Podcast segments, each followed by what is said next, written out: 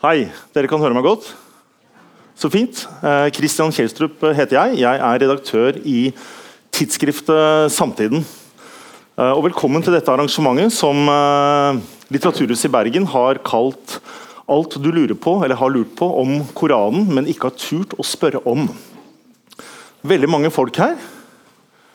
Veldig mange, veldig mange kvinner. Alle, alle er bergensere. Nei? Er det mange muslimer her? Ja. Blanda, bra blanding. Litt blanding. Um, Tittelen 'Alt du har lurt på om Koranen, men ikke har turt å spørre om', impliserer at uh, det er mange som lurer på mye med Koranen, og at det er knyttet en usikkerhet til om man i det hele tatt kan spørre. Uh, og Det har selvfølgelig sammenheng med til og med en frykt. Vi vet hva som skjedde med Salman Rushdie da han begynte å spørre for mye. Uh, og Bare for en uke siden så ble en ung student, Maslal Khan, 23 år, i Pakistan drept fordi han skal ha utfordret religionen. I Pakistan er det slik at pga. en blasfemilovgivning som er relativt fri, den stiller ikke så mye krav til beviser, så hender det at det er episoder som den hvor han blir da utsatt for en lynsjmobb. Slik er det heldigvis ikke her. Uh, her i Norge er det mange som lurer på hva det innebærer at islam er til stede også i Norge, og som ikke er redde for å hevde sin mening, ikke minst på sosiale medier, hvor man ofte kritiserer islam for aggressivitet, for å oppfordre til vold, for mangel på toleranse, på en måte som jeg synes ofte minner påfallende mye om det man kritiserer hos motparten. Bakgrunnen for at vi har dette arrangementet, er at samtiden, siste nummer av Samtiden nummer én, som jeg holder i hånden her, har Koranen som hovedtema. Her vil dere finne ulike artikler om ulike aspekter ved Koranen. Alt fra kvinnesyn til miljøvern. Uh, og Vi har et dobbelt siktemål med dette nummeret. Det ene er å bringe Koranen litt ned fra pidestallen, så å si. At Koranen skal kunne diskuteres fritt og åpent, og ikke være fredet. Og Det andre siktemålet er, hvis mulig, å finne en litt ny vei ut av denne veldig polariserte, fastlåste, vonde, vanskelige, av og til hatske og hissige, men nødvendige islamdebatten.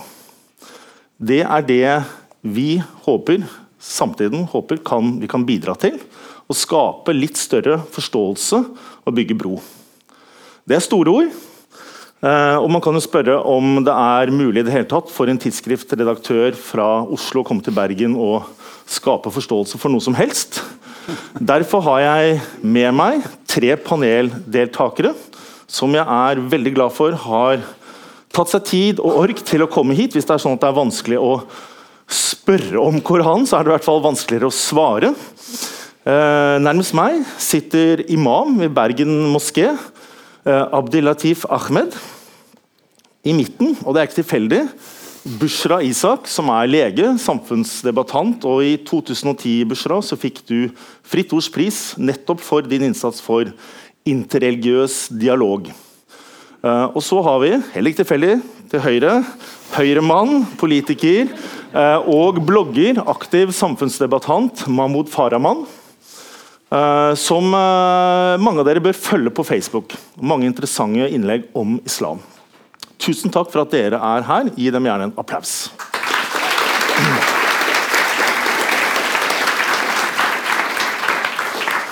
Et par praktiske opplysninger før vi begynner.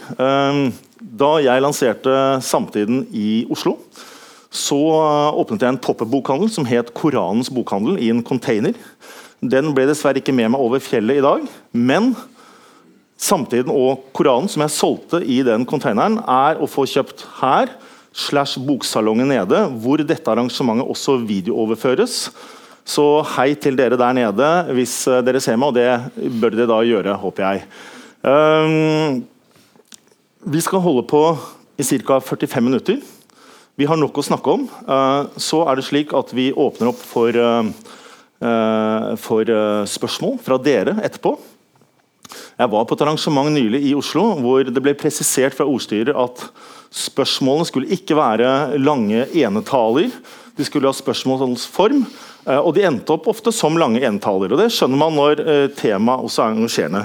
Men jeg vil oppfordre dere bergensere, som jo er kjent for å være ordfattige og knappe, for å eh, stille spørsmål som vi kanskje ikke rekker å komme inn på. Eh, men eh, nok, om, eh, nok enetale fra meg. Nå vil jeg begynne å spørre dere, før vi går løs på disse kontroversielle spørsmålene som forbindes med Koranen, så må jeg nesten være litt personlig, tenkte jeg. Og spørre først deg, Abdi. Hva betyr Koranen for deg? Hvilket budskap er det du som imam først og fremst finner i Koranen? Ja, takk for invitasjonen, og takk for alle sammen. Eh, Koranen er eh, den hellige boken, og det jeg tror det viktigste for meg. Eh, jeg leser jo hver dag og bruker det i bønnen og resiterer. Eh, så det er en viktig bok for meg. Jeg lærte fra Koranen eh, masse verdier. Jeg kan eh, nevne en av de viktigste verdiene å være medmennesker. Jeg har lagt fra Koranen dialog og tale andre meningen. Fordi jeg leser i Koranen nesten hver neste dag angående dialog mellom Gud og Satan. Dialog mellom Gud og englene. Dialog, dialog mellom profetene og sine folk. Dialog overalt. Det som har, eh, eh har sånn følelse at eh, det skal det være redskap, verktøy man skal bruke i fremtiden. Så det var den. Jeg bruker jo mitt liv som familie. Løse konflikter gjennom dialog. Så Koranen det, jeg kan bare si det utformet meg akkurat som jeg er i dag. Eh, vi hadde jo en del tragedier der nede i Afrika. Og jeg kan eh, beregne at utenom Koranen jeg kunne ikke vært her i dag Stiller samme spørsmål til deg, Bushra. Du er ikke imam. Eh, du er troende muslim. Eh, hvordan er eh, ditt forhold til Koranen? Det er jo litt en fortsettelse av det Abdi sier, at det er en veldig sterk tilstedeværende i mitt liv som muslim. Jeg bruker den hver dag i de fem bønnene jeg ber daglig, som jeg har, har vært forpliktet å bedt regelmessig siden jeg var elleve. Og så prøver jeg å lese den utenom de bønnene hver kveld, hvis jeg rekker det. Men det er helt riktig som Abdi sier, at det er en uh, kilde til trosgrunnlag hvor hele islamske grunnlaget kommer fra. Men hvis jeg skal få lov til å være mer konkret, så som en helt vanlig muslim, så er Koranen en kilde til et moralsk kompass i livet. hvor de viktigste læresetningene om livet finnes. Eh, og ikke minst en åndelig kraft eh, for min del. Eh, at det er en medium for å søke til Gud eh, etter en lang dag. Eh, for å eh, bringe meg selv nærme den spirituelle kraften jeg ønsker i livet. Så ber jeg til Gud, litt egoistisk, for at det skal føre godt med i hverdagen min. Eh, så en moralsk kompass, en kilde til spirituell kraft i livet, vil jeg si Koranen er for meg. Du Mahmoud, har markert deg som en eh, skal vi si, mer islamkritisk muslim. Det er litt vanskelig, disse merkelappene. Eh, en ikke-troende muslim, jeg vet ikke om det går an å si, men, men du har iallfall gitt uttrykk, uttrykk for meg at du kanskje har samme forhold til Koranen som jeg har eh, og mange eh, nordmenn til Bibelen. Du har lest den, eh, men du er ikke en veldig aktiv leser. Hva betyr Koranen for deg? Jeg kan starte sånn. da. Altså, Koranen har samme plass i livet mitt som Bibelen har plass hos 90% av de norske kristne. Den er der og den eksisterer, men jeg forholder meg til helt andre lover, regler og kompass i livet. Koranen Koran er et oppslagsverk, og som jeg nevnte for deg i går, vi har Koran i familien som vi har hatt siden mine foreldre giftet seg. Der står eh, datoen de giftet seg, og der står navnet på min søster og meg, og når vi er født. Det er det vi har der. Eh, Koran for meg er mer et oppslagsverk i debatter og diskusjoner. Eh, jeg baserer nok mitt liv på andre ting enn Koran. Eh, men med det sagt så mener jeg at denne linjen du tegner, Borsa, er jeg litt uenig i. altså At eh, vanlige muslimer, Definisjonen på vanlige muslimer er vanskelig eh, å trekke. og jeg tror nok Hvis man eh, ser seg litt om, så tror jeg nok ekstremt mange muslimer er bruker ordet sekulær eller tilnærmet lik kristne i Norge. Eh, lite aktive religionsutøvere har iallfall vært hittil. Ja, da kan jeg spørre deg med en gang, Bushra, for Dette er litt ja. vanskelig å måle. Altså, det er ikke så mange som nøyaktig vet hvor mange muslimer, og da er det muslimer i definisjonen tilhørende trossamfunn, som det bor i Norge. Eh, for det er kun de som tilhører et trossamfunn man kan måle, og ifølge Statistisk sentralbyrå så er det rundt 148 000, og så pleier man å dra det opp mot 200 000. Men jeg vet du har jobbet med statistikk eh, knyttet til disse spørsmålene. Er det mulig å si noe om vet du det, om hvor mange av de norske muslimene som aktivt forholder seg til Koranen i hverdagen, og hvor mange som slik Mahmoud sier, egentlig bare har den liggende hoppsi, på nattbordet. Mm.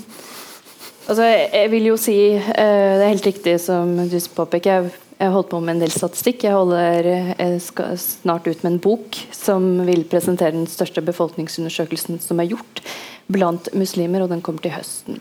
Uh, og det er litt sånn typisk Farahman legger seg, som veldig mange av islamkritikere i Norge og eh, verden ellers, at eh, de fleste muslimene er ikke så religiøse og forholder seg ikke til islam. Eh, det er helt feil. Eh, for å begynne eh, i det store rommet. Eh, globalt sett så har vi tall fra World Gallup Pool og Pew Research som hele tiden dokumenterer jevnlig at muslimer rangerer religionen sin mye høyere som en verdi i livet versus andre religiøse grupper. Det er symbolsk markering av hvor viktig islam er. Og så er det dette med trospraksis. Eh, World Gallupool gjorde i 2011 eh, undersøkelse i 36 muslimske land, hvor de målte objektivt eh, graden av eh, trospraksis i form av faste i ramadan og eh, bønn fem ganger om dagen og moskébesøk. Og det viser at over 70% av muslimene har et aktivt forhold til ramadan, til fem bønn om dagen og moskébesøk. Og Det samme dokumenterer vi, uten at jeg kan avsløre detaljerte beskrivelser, men godt over majoriteten av muslimer er som meg, og ikke som deg, Faraman, hvis jeg får lov til å provosere. vi, vi, vi, vi, ber, eh, og vi har, eh, vi har et aktivt forhold til religion. Og jeg kan bare si at selv de som er ute på byen, eh, det har jeg merket når jeg jobbet som akuttmedisinsk lege i Oslo nå i snart fem år, er at selv om de har vært ute på byen, så er det sånn sola går opp, så har de lyst til å begynne å faste. Så vi har et uh, Veldig mange sier ja til både pose og sekk. Så det er ikke så enkelt som de vil ha det til. Dessverre. Eller heldigvis. For, for, altså, denne, dette er ganske interessant, Bushra. For Du refererer til en del spørreundersøkelser, så kan jo man se på de. Men så kan man jo snakke om, eh, for dette bringer oss til kanskje kjernen i denne problemstillingen, dette med sosial kontroll i muslimske samfunn. Eh, når vi ser at, som jeg skrev her forleden, altså, når man ser på utøvelse av vold for f.eks. blasfemi, så er det jo ikke noe som er regulert ved lov i så veldig mange land, men befolkningen tar den i egne hender. Så er dette med sosial kontroll og i hvor stor grad det slår inn på religionsutøvelse og valg av svar på spørreundersøkelse. Hvis vi tar og ser på det helhetlig, som Therese Solhjell påpekte så godt etter valget av Trump i USA. Valgdagsmålingen visste noe helt annet enn valgresultatet. Så sier hun at forskning viser at de fleste velger å svare det de tror folk vil høre, og ikke det som er virkeligheten. Jo, men der, der, avblåser du hele empirien bort, ut fra politiske målinger. og Jeg tror forskeropinionen vil være veldig tydelig på at muslimer har et veldig aktivt forhold til religion. Eh, og det, det, blir helt feil og nesten litt sånn polemisk å drive og avskrive det som forelag av både befolkningsundersøkelse og det forskere kaller kvalitativ forskning blant muslimer. Mm. Eh, og, og, og, det å bringe sosial kontroll og blasfemi blir også en veldig sterk avsporing. fordi når man foretar disse spørreundersøkelsene. Vi har vært for veldig opptatt av noe som heter intervjueffekten.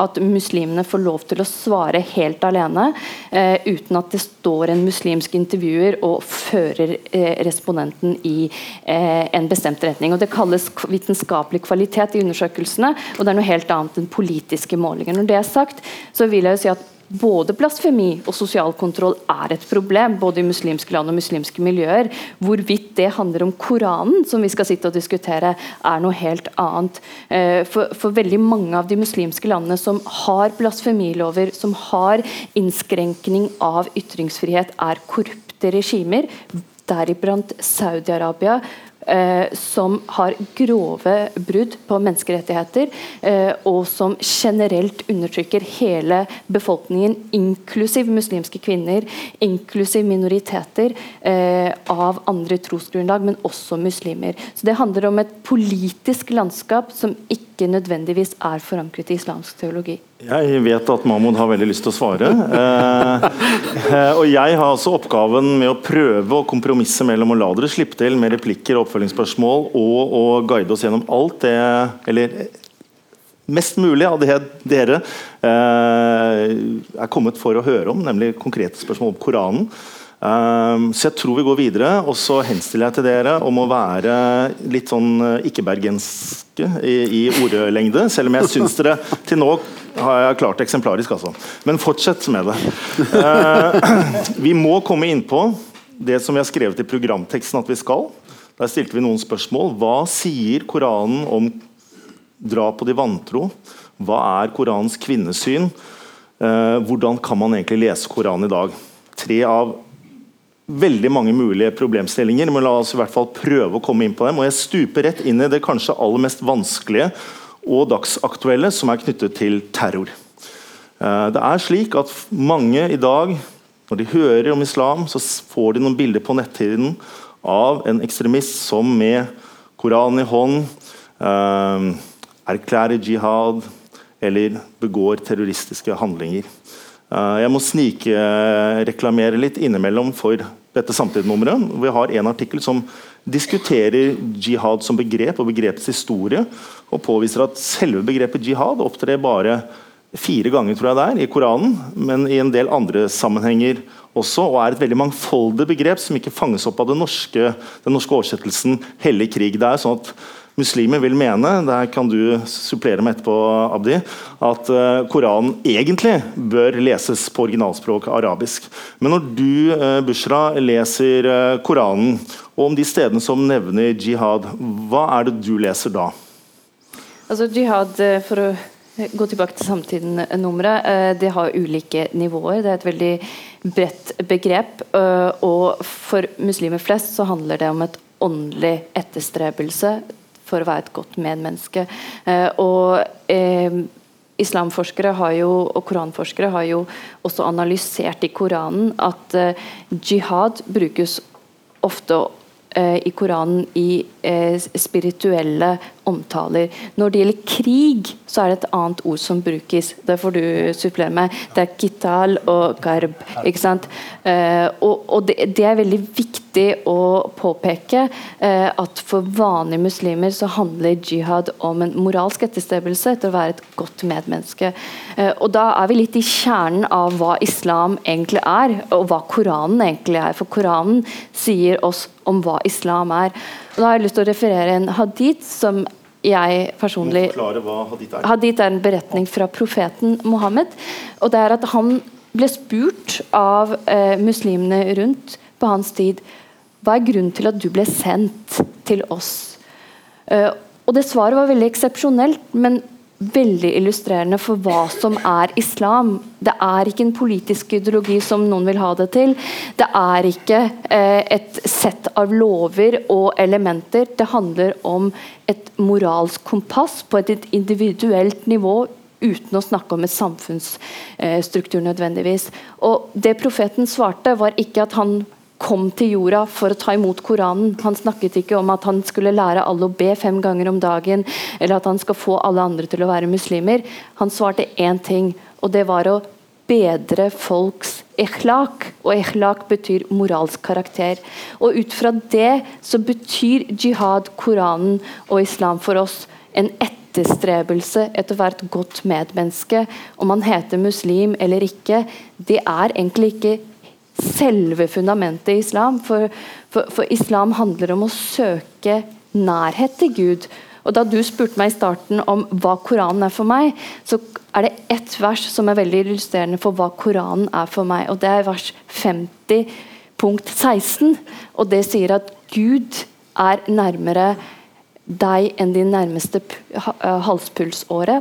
Gud er ikke bare din skaper, en du skal frykte på dommens dag, men det er også din hjelper og din nærmeste venn. Men En kort replikk fra meg. da, altså du, fordi du sier at jihad, som mange assosierer med krig, hellig krig, egentlig innebærer det totalt motsatte. En anstrengelse om å være et godt menneske. Hvordan har det gått hvordan har det skjedd at den betydningen har endret seg så til de grader? Vil du svare på det, ja. for å inkludere deg litt i samtalen? Sånn at jeg slipper. Jeg tror det, den er det viktig å snakke der i jihad. I første ordet jihad, som eh, blir åpenbart i Koranen, det handler ikke om eh, krig. Det var snakk om å oppnå et mål når det gjelder å forbedre moraliske karakter. Og det var det. Og mange grunner man kan eh, fordele jihad og den største jihad som vi snakker om i teologisk, det er jo å kjempe mot egoisme og oppnå sånn et mål, som jeg har sagt. Men også å betale noe det du har råd til eh, for noe som er nyttig for samfunn. Det er jo en del jihad. Å bygge på eh, sykehus, eh, skoler, alt, veier. Disse tingene man kan også beregne en jihad. Men de som vil la oss ta ut, ut av kontekst, de, bruker jo jihad kun for krig. Og hvis noen leser nøyaktig i Koranen, det er jo et språk som er det krigsspråk, og der de bruker all ekstremisme fra ulike sider.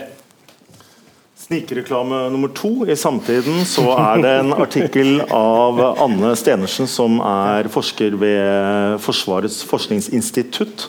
Hun skriver om islamisme slash jihadisme, som en bevegelse som ifølge henne oppstår på 70-tallet i Egypt, som en reaksjon ikke mot uh, ikke-muslimer, men mot uh, det muslimske regimet som undertrykte det daværende muslimske brorskapet. Uh, Abdi, I Koranen så er det ikke bare eh, jihad som assosieres med vold. Hvis man slår opp i Koranen på et tilfeldig sted, så skal du ikke lese så veldig lenge før du kommer inn på de vantro.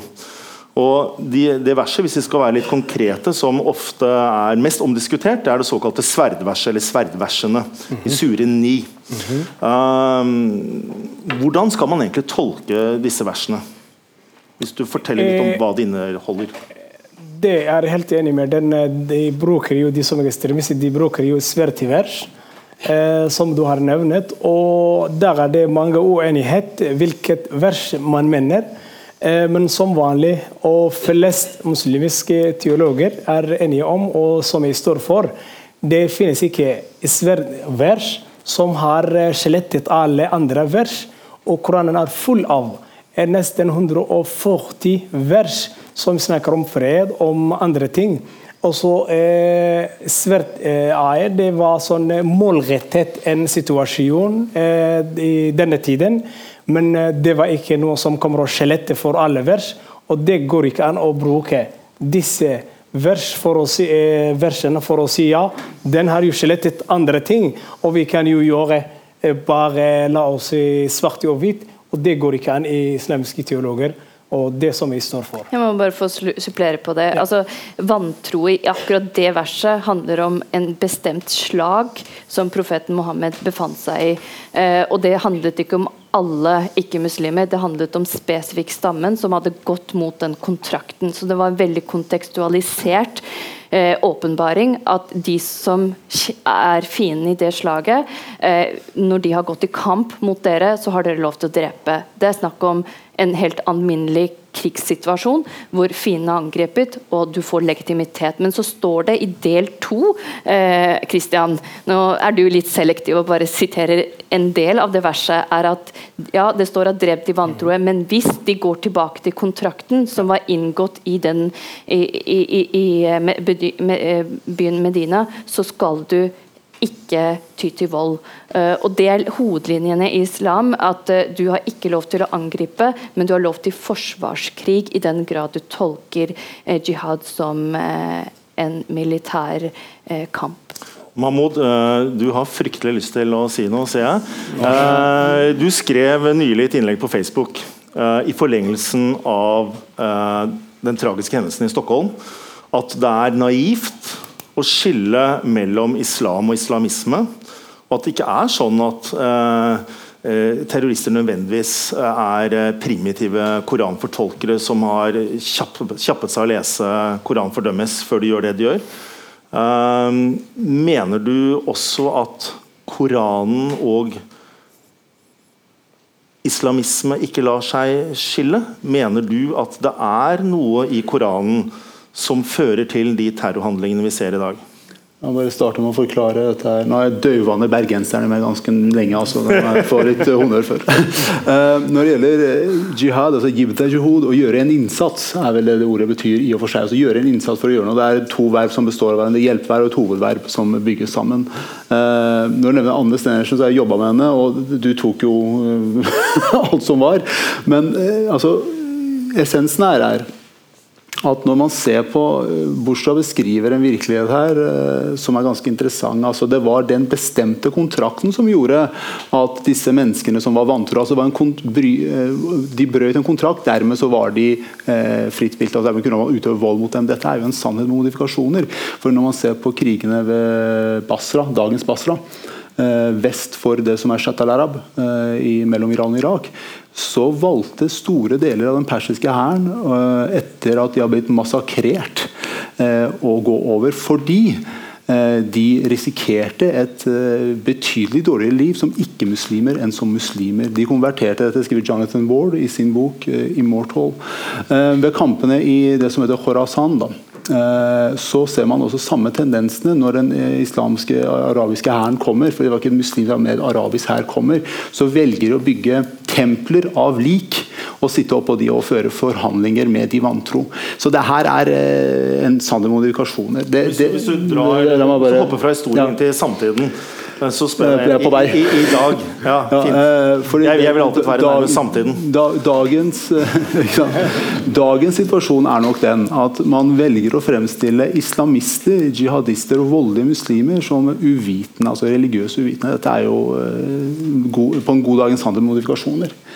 Uh, veldig mange av dem har gode kunnskaper, kanskje bedre kunnskaper om islam enn snittet av den muslimske befolkningen. Hvorfor sier jeg det? For Hvis man ser på boken som omhandler tyske jihadister som har reist til IS, så ser man at de fleste av dem har hatt en tilknytning til moské. Når man ser på terrorhandlingen i Sverige og den uh, svenske svensk-usbekiske terroristen, så er det samme tendens. Når man ser på han i NIS, så er det samme tendens. Så man finner jo motivasjon i Koranen. Med det sagt at det fins motivasjon i Koranen til å begå disse handlingene, så betyr det jo ikke at alle muslimer sitter hjemme og planlegger et eller annet uh, legubert. Det er ikke sånn det henger sammen. Men motivasjon finnes der. Så kan man jo sikkert si at det er, er betinget av en samtid og betinget av sånn og slik, men det er ikke sånn det brukes.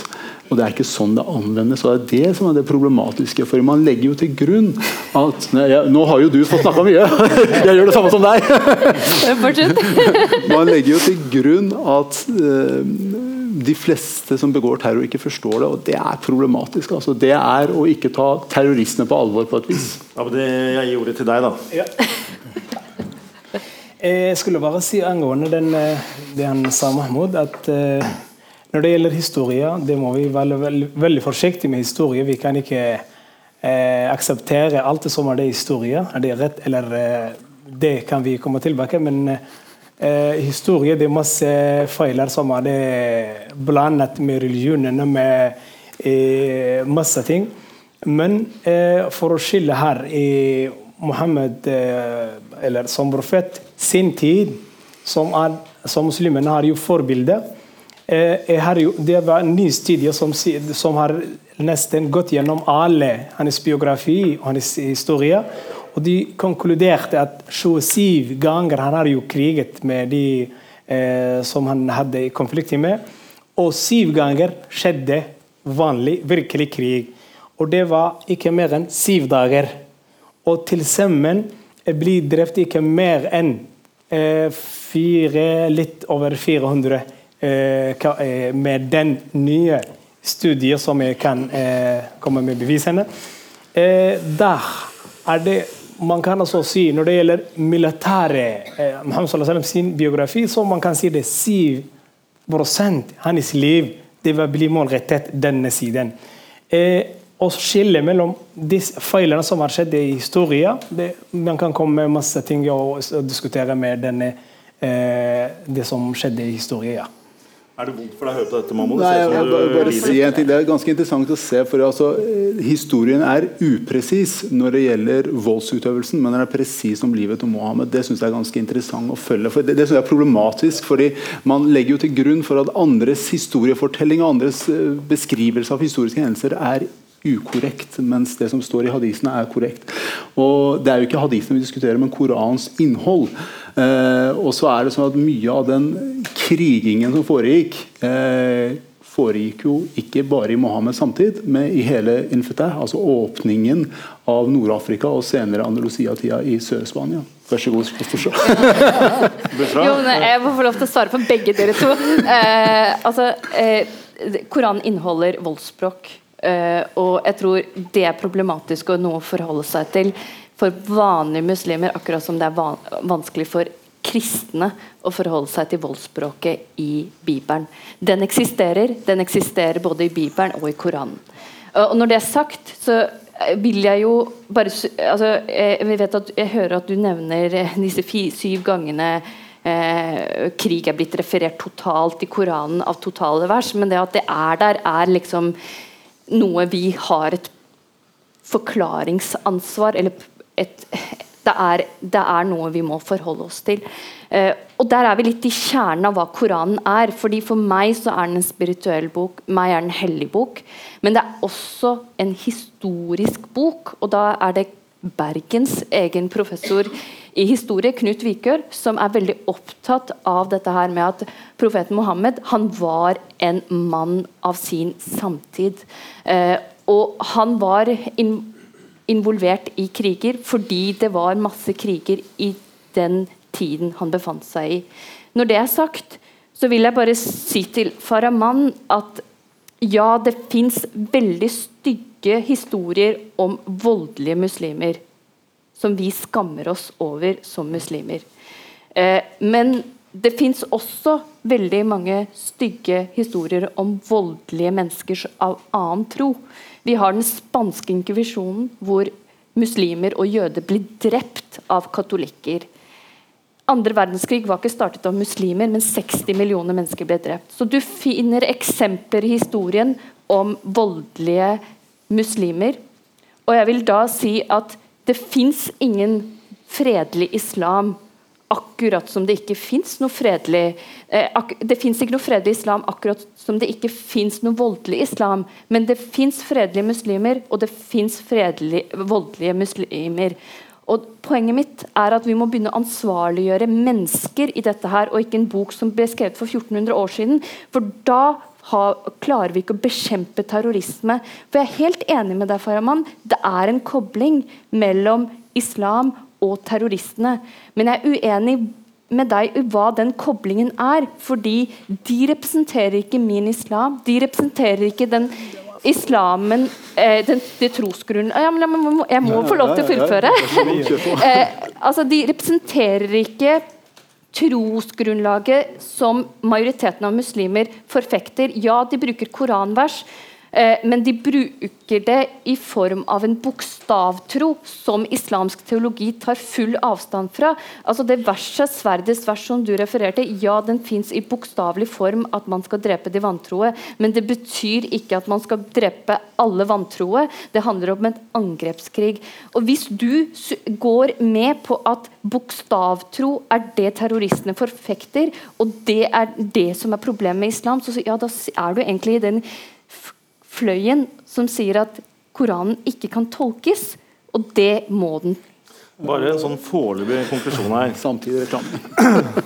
altså, eh, jeg vet at det arrangeres en, sånn, en, en foredragsserie, en debattserie eh, på Litteraturhuset i Bergen viet Russland. Eh, en rekke kvelder som nærmer seg russisk politikk og samfunn fra ulike ståsteder.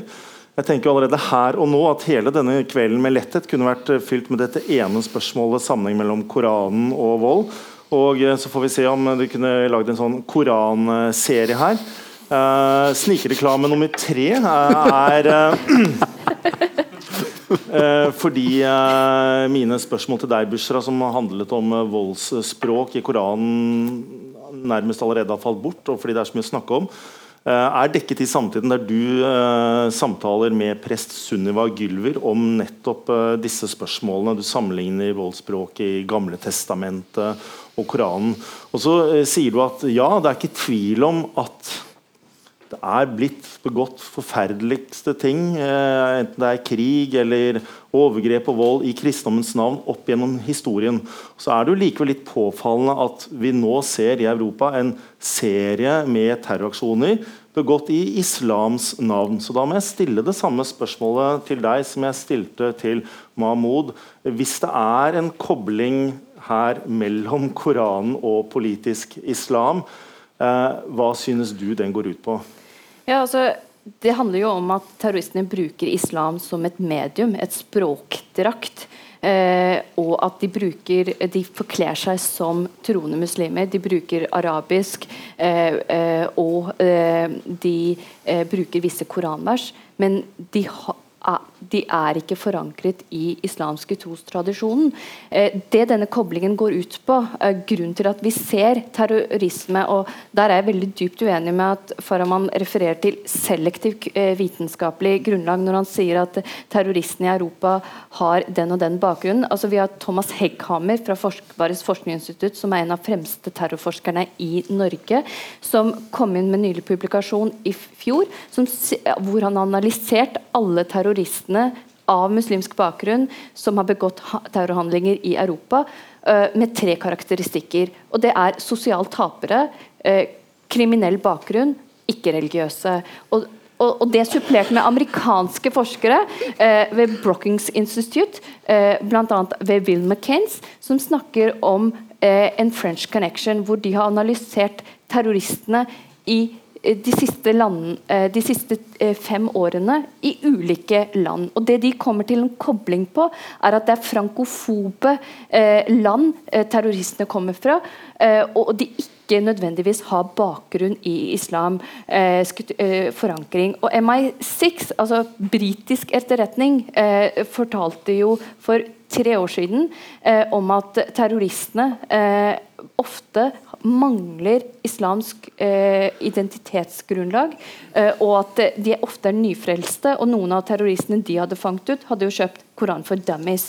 Og Siste forskningsrapport som jeg får lov til å uh, supplere, det er uh, forskningsstudier fra Georgetown University, som har analysert rekruttering til terrorbevegelse i Pakistan og India, hvor de viser at antall moskébesøk og de som ber fast, har lavere tilbøyelighet til å bli rekruttert til terrororganisasjoner. Så Der avliver du egentlig litt myten om at det er kobling mellom islamsk tro og eh, terrorisme eh, nødvendigvis eh, pågående. Man, Men at terroristene bruker et medium, det er sant. Ja, Det skal jeg svare på. Fordi Det du nevner med Thomas Eikhammer er ganske interessant. Han er for øvrig en av verdens fremste forskere på terror. Ja. for å få det korrekt. I hvert fall Norges fremste. Han er en av verdens fremste. det, det, som er ganske interessant er at Thomas Eikhammer nevner også noe annet. Det gjorde Steines på PSTs årlige konferanse om radikalisering. Jeg tror du var der også.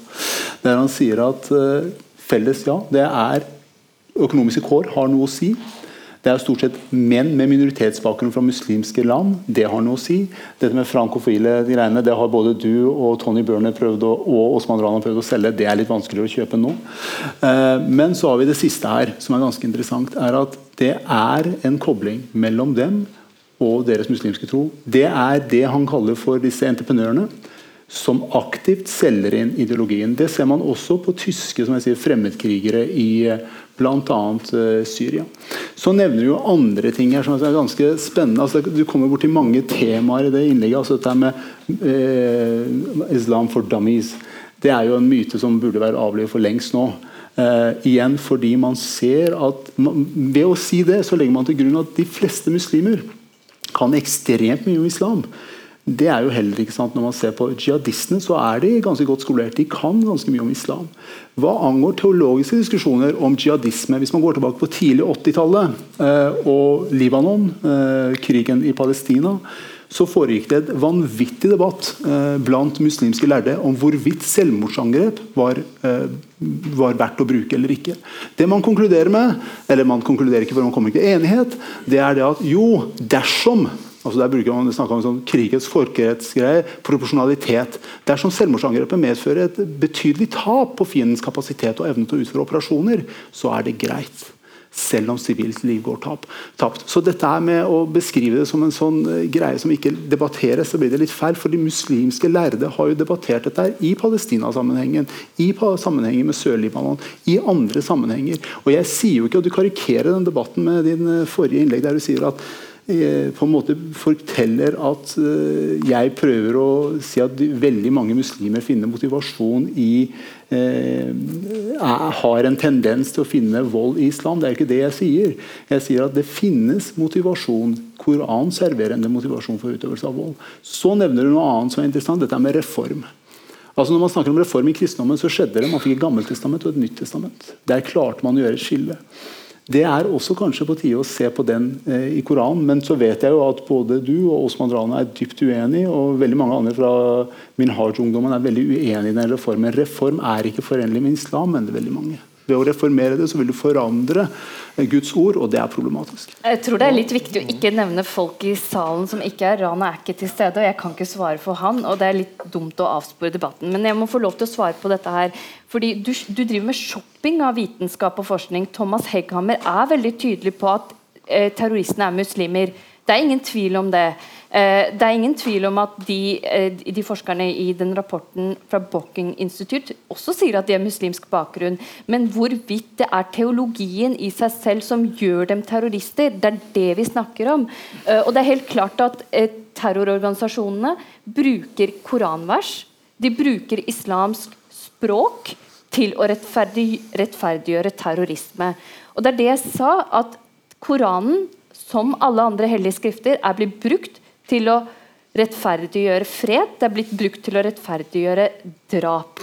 Det er en sannhet. Men når atferden til eh, muslimene varierer, men konstant størrelse, som er Koranen, er konstant, så er ikke problemet Koranen i seg selv. Det er menneskene og tolkningsgrunnlaget. Og Der tillegger du meg meninger som jeg ikke har. Jeg mener, og de fleste i tradisjonell islam, mener at islam bør ha en aktiv tolkningstradisjon. Og det er ikke slik at vi tenker at islamsk tradisjon er A4. Det er noen lover og regler som ble skrevet for 40 år tilbake, som ikke kan fornyes. Jo, det sier vi, men det vi sier er at Koranen må ikke endres i den forstand at fundamentet må være der, men den må tolkes. Bushra, eh, du har fått fram hovedpoenget ditt eh, veldig tydelig. Eh, og jeg får ca. 20 oppfølgingsspørsmål. Jeg vet ikke hvordan det står til med dere. Planen min er å stjele litt nå av deres tid, hvis vi skal skyve denne korandebatten inn i, i, i, den tiden som vi, vi har igjen. Abdi, som troende muslim og imam du har sagt til meg at for deg så er Koranen først og fremst en bok som handler om fred og tilgivelse. Frihet og tilgivelse, hvilket kan virke paradoksalt for mange, siden mange assosierer Koranen med undertrykkelse og hevn. Uh, mens når du nå opplever at islam i dag til de grader assosieres med ekstremisme, med vold hvordan reagerer du på det? Gjør du deg trist? Eh, eh, det gjør meg trist og bekymret for eh, mange. Men også, jeg må si, når det gjelder terrorist, vi er jo imot, og vi forebygger og vi tar avstand og vi fordømmer. Uansett hvilket folkeslag kommer de fra. terrorist, også når, vi har, når jeg underviser barna her på, på moskeen, så alltid det kommer sånne mediespørsmål, med, og så spør jeg Norge blir rammet av terrorister. Hvem var det? Så blir, alle blir jo Å ja. Eh, så det kan være ekstremisme fra alle religionene, fra alle retningene. Eh, men jeg er helt enig med at det er mange som bruker, eh, eller la oss si tolker, hellige tekster slik de støtter deres ideologi, og bruker Koranen for å legitimere akkurat. Det er et åkende problem, egentlig. Og der er, det, der er det et problem som la oss si noe med, ikke noe med lærde å gjøre, og det er helt uenig med den. Det er noe som er ikke la oss si, Jeg tror det siste studiet når det gjelder terrorist, jeg må bare bekke på. Det var ikke fra moskeene, de som har vært aktive i moskeene, det var fra fengselet og sosiale medier. De to ting, tingene som refererer, refererer man til. Og hvorfor er det? Det er mange spørsmål. Når vi kommer til den Koranen og fred Jeg tror det, som jeg har sagt i begynnelsen, jeg har lagt fra Koranen eh, tilgivelse og tilgi andre og være med mennesker. Og Koranen er full av det, disse tingene. Koranen er eh, blitt delt i to, i Makka og i Medina. Og 80% er det mest i Makka. Og da jeg snakker om Til og med det var ikke lov. Selvforsvar. Eh, da var det i Medina, så det var noe annet da. Og så Da er det legitimert til selvforsvar, noe som heter selvforsvar. Eh, men problemene som produserer eh, ekstremisme, det kan være ekstremisme, det kan være eh, la oss si, symptomer, og viruset kan være noe annet. Og Da er det veldig viktig å se og diskutere og undersøke hvorfor er det I dette klimaet som vi har, eh, preget av den islamsk motiverte eller eh, funderte, eller hva man vil, terrorismen, Eh, hvor eh, islam uh, hva skal jeg si, er under press, hvor det står veldig mye på spill. Hvor muslimer må kanskje forsvare seg, hvor det er veldig mange betente spørsmål. Hva tenker du at du som imam og dere lærde kan bidra med? Har dere et ansvar? Jeg mener ikke for terrorismen, men for å demme opp for den. Hva kan dere gjøre? Eh, det man kan bidra med å eh, hjelpe og forstå eh, la oss si mer forståelse og godtolking når det gjelder disse for versene som du har nevnt. Det kan man feiltolke så lett. Også disse tingene trenger jeg tror det er noe som er det kunnskap. Jeg kan jo utenat hele Koranen, og det har jeg lært da jeg var liten. Men hver neste dag jeg lærer noe nytt. Det er masse eh, vitenskapelige, helse, moraliske som er det full av Koranen. Koranen og det man, det man, trenger å forstå litt mer, mer eh, filosofisk, og lese sammenlignet med de andre religionene, og se på situasjonene. Jeg tror det I Koranen det finnes ikke motivasjon for vold. fordi det Profet Muhammed, som er det vårt forbilde, han har ikke brukt vold. Ikke mot barna, ikke mot kvinnene, ikke mot ingen, ingen har brukt det.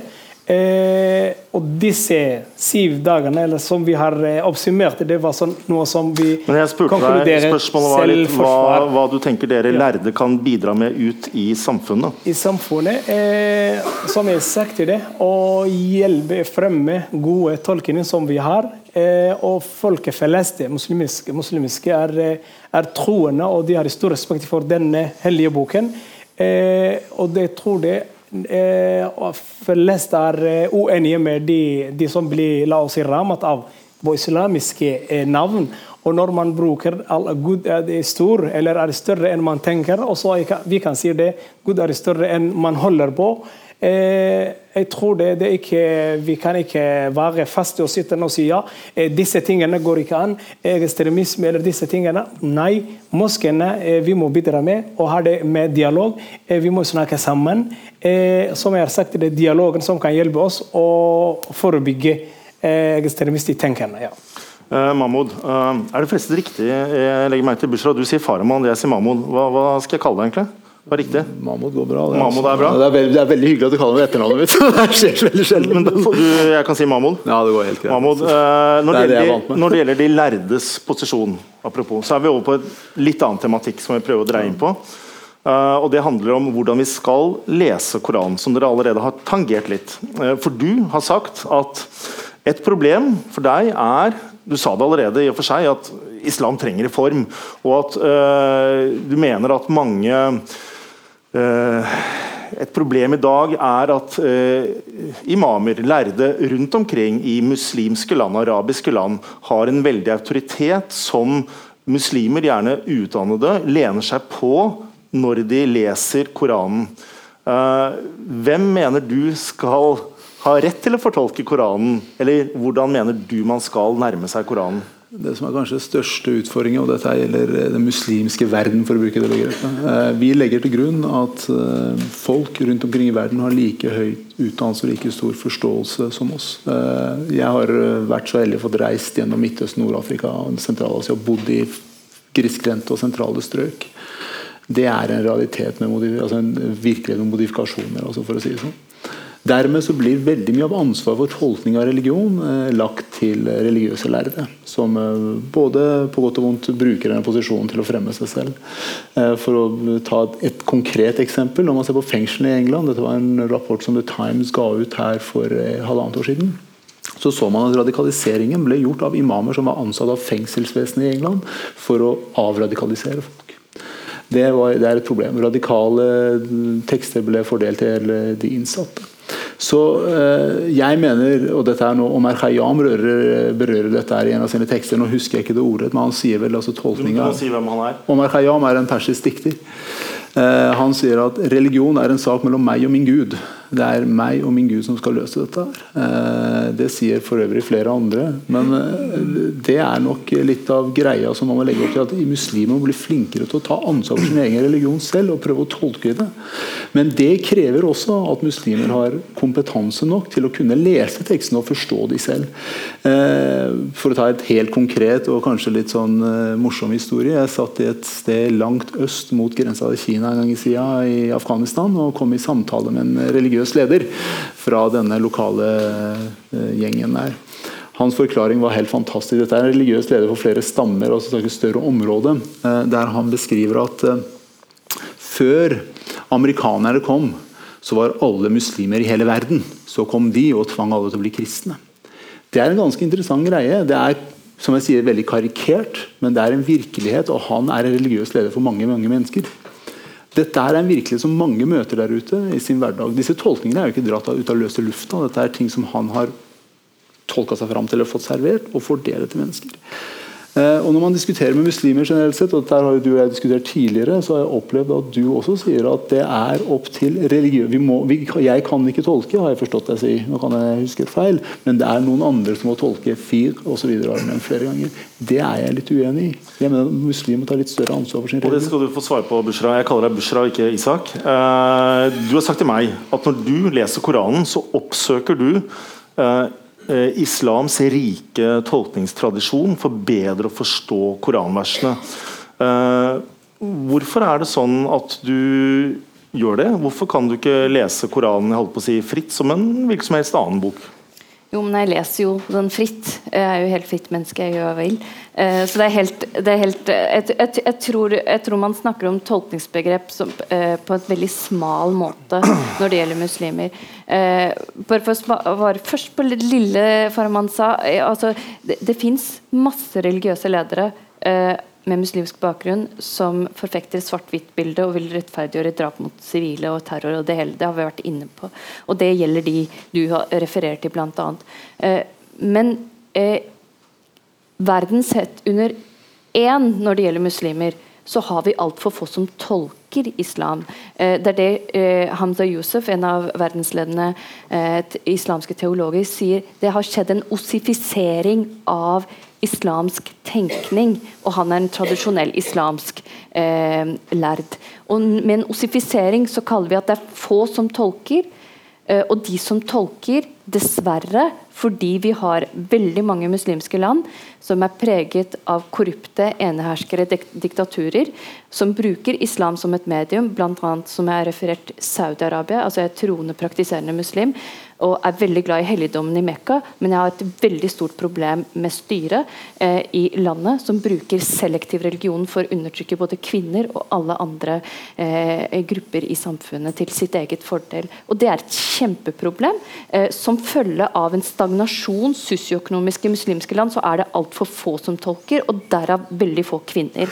Når det gjelder meg selv, for lov til å svare på det siste spørsmålet ditt, er at jo, eh, jeg leser Koranen, og jeg tar masse ut av det. Eh, men når det gjelder viktige verdispørsmål, så har vi noe som heter fikk i islamsk teologi, derav fire lovskoler. Og det er veldig viktig å ha, fordi jeg som en vanlig muslim, jeg kan ikke arabisk engang. Eh, og jeg trenger god språklingvistisk kom, eh, kompetanse for å tolke den Koranen. Jeg kan bare gi et konkret eksempel. Siden jeg er lege, så er jeg veldig opptatt av dødshjelp og abort, f.eks. Eh, det er et veldig vanskelig problemstilling, og som mine kristne kollegaer så er ikke svaret alltid enkelt. Eh, islam eh, har man en mye mer liberal holdning til abort. Eh, det vil si at man ikke betrakter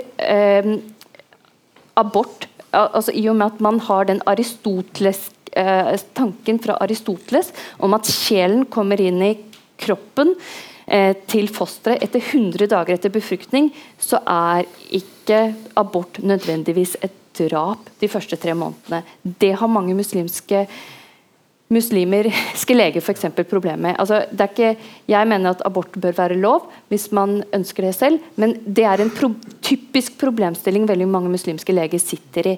Eh, og Der er religionen liberal, men eh, noe med det at du tar et liv, er et problem for deg selv det er veldig mye. Poenget mitt er at du trenger både språkkompetanse, kompetanse inn i haditene, som f.eks. har dette her med Aristoteles tanke om når sjelen kommer inn i, i liv eh, eh, inn i fosteret. Det er hentet fra haditene. Og For å tolke Koranen så trenger man masse forskjellig kunnskap, bl.a. kunnskap i hadit, i sunna, som gjør at vanlige muslimer har vansker med å gjøre det på egen hånd. Men det betyr ikke at vi er irrasjonelle eh, eh, folk som ikke klarer å tenke. Selvfølgelig tenker vanlige muslimer eh, og bør være med i tolkningsarbeidet. Og jeg vil også presisere at vi må få flere kvinner i tolkningstradisjonen. Og det gir islam full tilgang til. Men uh, mange av de som hører på nå, som kanskje vil vurdere å uh, lese i fall litt i Koranen og sette seg mer inn i noe av det vi har diskutert, uh, og som ikke nødvendigvis vil gå til eller til og med ha tilgang til de kildene du nevner. hvordan vil du anbefale dem å nærme seg Koranen? Altså, det er fritt frem for alle å lese, og det skal det jo være. Jeg tror det er veldig stor misoppfatning om muslimer at vi, vi, er preget av å være veldig konforme. Eh, og Det er veldig viktig å åpne opp boken, men det eneste jeg sier, er at det er veldig viktig å ha med konteksten, særlig de vanskelige verdispørsmålene, f.eks. sverdets vers, eh, når man snakker om det med dødshjelp. For å bruke Koranen som en verdioppslagsverk, så er det veldig viktig å ha et bredere tolkningsgrunnlag. Men for å bruke som en åndelig kraft, sånn som jeg gjør før jeg legger meg de dagene jeg har det skikkelig fælt, og ønsker nærhet til Gud, bare bare resitere Koranen, så er det jo lov å alltid uansett lov å lese det bokstavelig, men det er veldig viktig å ikke ha en bokstavtro i tolkningen. Eh, så det er veldig mye fint, men det er også veldig mye vanskelig i Koranen som gjør at man bør ha med andre å lene seg på. Abdi, um, du tror at Koranen er Guds ord, slik det ble åpenbart for Mohammed for 1400 år siden i et samfunn som er helt annerledes enn det nå nokså sekulariserte Norge, hvor vi kan lese Koranen. Hvordan mener du at vi bør lese Koranen i dag? Hvor fritt kan man stå i å tolke Koranen?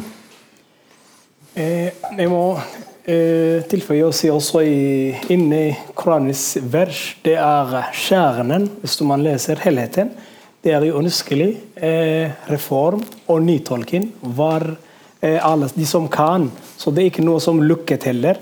Eh, når det gjelder eh, de, ditt spørsmål eh, Sekularisme og Koranen også Det er masse ting som ikke strider sammen. Koranis verdier eller Koranis formål å bevare menneskenes liv å bevare menneskenes egentlig eh, eh, trosfrihet. Eh, mange mange verdier som man kan finne. Og her er det veldig, jeg tror det veldig kan være morsomt å høre at Koranen var den første boken som eh, innførte når det gjelder trosfrihet, eh, som vi skjønner i 14 århundre siden. er masse ting som kan finne, vitenskap, helse og masse ting. Men også det er Jeg tror det, det er ingen strider mot hverandre. Eh, det kan være i dag. Jeg kan nytte vitenskapelige ting. Og her må vi utfordre og si det. Alt som er det vitenskap, eh, det går ikke an. Koran kan ikke komme med noe som strider med. Eh, noe som definerer at denne boken er det Guds ord. Og ikke glem at Koranen, Koranen handler om ca. 900 vers handler om univers og alt. Og det er lett å ta feil på denne tiden. Og jeg anbefaler f.eks. den lille boken som jeg har. Eh, det kan være ikke sånn litt eh, annonse også, men eh, man kan jo forstå islam og se på den vitenskapelige som i Koranen, som var det nesten umulig å fantasiere på denne tiden Mohammed levde. Jeg har så mye jeg har lyst til å spørre dere om. Vi er egentlig litt på overtid. Jeg skylder på at vi begynte et akademisk kvarter for sent. Og det er ett punkt som vi ikke kan komme utenom, syns jeg, og det er kvinnesynet i Koranen. Det har vi annonsert. Uh, vi må i hvert fall fare over det med en slags uh, substansiell harelabb, hvis det er mulig. Uh, Mahmoud, det er jo sånn at hvis et bilde av islam i dag er terroristen, jeg beklager, eh, så er et annet eh, ansiktet, dvs. Si det fordekte ansiktet til Leila Hasic, som nylig ble ansatt som kommunikasjonsmedarbeider i IRN, eh, nemlig bak et slør. Et mysterium, noe vi ikke vet så mye om.